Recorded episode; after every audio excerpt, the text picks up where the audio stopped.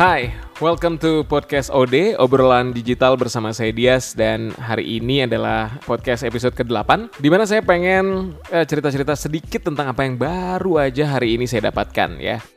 Apa gunanya podcast kalau tidak memberikan manfaat ya kan? Dan hari ini saya pengen sharing tentang sebuah obrolan yang tadi kami lakukan bersama beberapa orang teman dengan seorang mentor, seorang senior yang sering sekali membantu orang-orang untuk jadi lebih baik. Kita memulai diskusi dari kedai kopi yang ada di sebelah, uh, di Omben Kopi Tiam. Cerita-cerita tentang apa yang sudah dilakukan, bagaimana menghadapi kondisi pandemi, ya. Kemudian juga cerita tentang uh, apa nih banting setirnya ke mana nih dari teman-teman yang biasa jalanin event, yang bisa jalanin kegiatan yang banyak lah pokoknya ya. Terus selama pandemi ngapain aja. Nah, kenapa sampai saat ini masih suka diskusi adalah karena kita sejatinya tidak pernah cukup untuk belajar.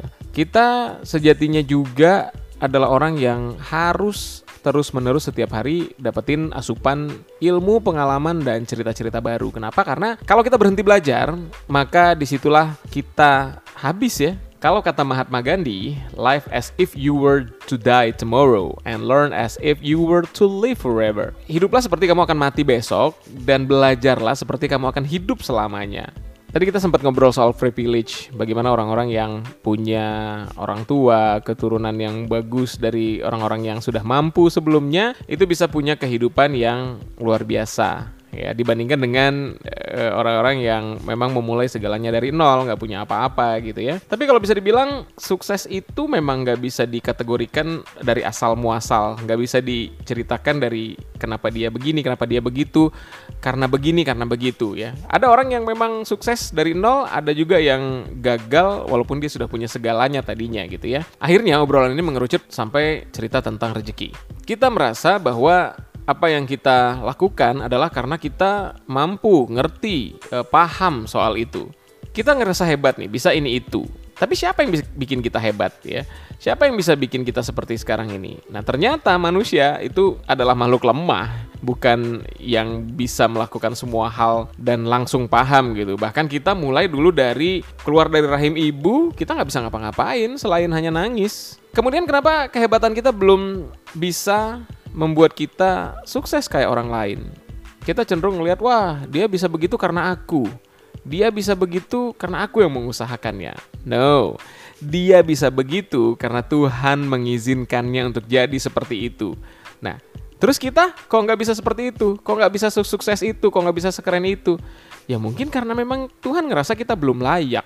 Karena sebenarnya ya semua yang kita miliki itu adalah karena Tuhan yang memberikannya sama kita. Contoh misalnya kita berusaha sedemikian keras, berusaha kerja, wah banting tulang lah gitu ya.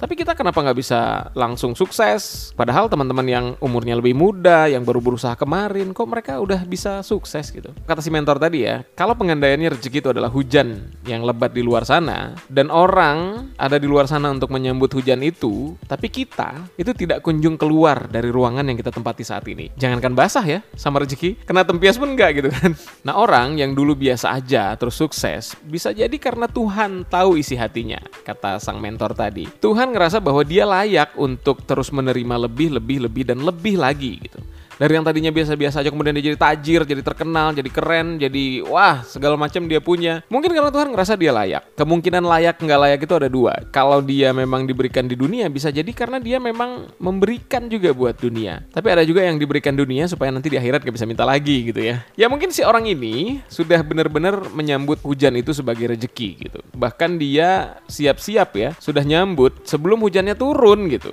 Dia udah nungguin nih di bawah dia udah ngerasa ya Tuhan gitu. Kasih nih rezekinya gitu. Dan ketika hujan itu datang ya nggak tahu berapa lama dia harus nunggu tapi dia sudah siap dengan menyambutnya gitu. Sementara kita masih terus di ruangan yang sama. Kalau kata sang mentor tadi adalah kita tetap dalam goa gitu. Nggak mau keluar nggak mau lihat di luar sana bahwa ada orang-orang yang sudah menikmati begitu banyaknya limpahan rezeki dari Tuhan katanya gitu. Jadi untuk apa sebenarnya kita ngerasa bahwa kita itu hebat kita itu mampu? Semua adalah hasil kerja keras kita. Intinya adalah kita ngerasa rasa rezeki itu datang dengan logika. Bahkan nggak jarang kita lupa bahwa rezeki kita itu ada juga sebagian besar karena ada hak orang lain juga di sana gitu ya. Kita sering lupa bahwa kita nggak pernah tahu nih apa yang akan terjadi lima menit ke depan bahkan ya. Kita nggak tahu, benar-benar nggak tahu. Terus gimana kita bisa mengakui kalau kita adalah orang yang hebat? Gimana kita bisa mengakui kalau kita adalah orang yang mampu gitu? Kenapa mengklaim bahwa semua yang kita usahakan kemudian bisa jadi sukses. Padahal kita sampai saat ini masih begini-begini aja. Bahkan kita nggak bisa memprediksi bahwa kita akan sakit, kita akan ya mungkin flu ya bersin-bersin. Kalau kata sang mentor tadi adalah stop lah. Mungkin Tuhan nggak mau ngasih rezeki lebih sama kita karena Tuhan ngerasa ya nggak layak kita untuk nerimanya. Minta ampun lah sama Tuhan katanya gitu atas kesombongan yang ada selama ini. Karena tidak ada satu hal pun yang terjadi di dunia ini tanpa izin Tuhan di sana. Ya kalau memang kita pengen lebih, ya lebih banyak meminta. Tapi sebelum meminta, bersyukur dulu dengan apa yang kita miliki saat ini. Hidup ini dijalani saja. Kalau kita punya pengalaman, kalau kita punya ilmu, kalau kita punya kemampuan, dijalanin saja. Tapi jangan pernah mengakui bahwa itu adalah kehebatan kita. Karena bahkan ya hal-hal kecil saja dan saya sudah merasakan kemampuan berjalan dengan benar saja, berdiri dengan tegak saja. Ketika Tuhan ambil itu selama satu minggu, dua minggu, saya luar biasa tidak bisa apa-apa gitu. Jadi hari ini adalah hari yang luar biasa banget di mana saya dapat pencerahan yang luar biasa dan ini adalah ajang untuk introspeksi diri, ajang untuk memperbaiki diri bahwa bukan kita yang hebat, tapi karena Tuhan yang memberikan kita kemampuan dan memberikan kesempatan, pengetahuan dan memberikan rezeki mungkin sama kita dan masih memberikan keselamatan sama kita hingga saat ini. Jadi jangan klaim bahwa kamu hebat, tapi klaimlah kamu sadar bahwa apa yang selama ini didapatkan itu adalah atas izin Tuhan. Kalau seandainya kita mengandaikan diri kita seorang petinju, maka kita harus sadar bahwa kemampuan bertinju yang hebat itu bukan karena kita hebat dalam melakukan pukulan-pukulan, menghindari pukulan, tapi juga menerima pukulan itu. Hari ini saya menerima pukulan telak kalau mau menggunakan ego, maka saya harusnya merasa, wah gue kok diginiin ya, harusnya tidak seperti ini ya. Tapi ternyata ketika saya terima itu, saya sadar bahwa saya masih kurang bersyukur, saya masih kurang hebat, dan saya masih harus banyak belajar lagi,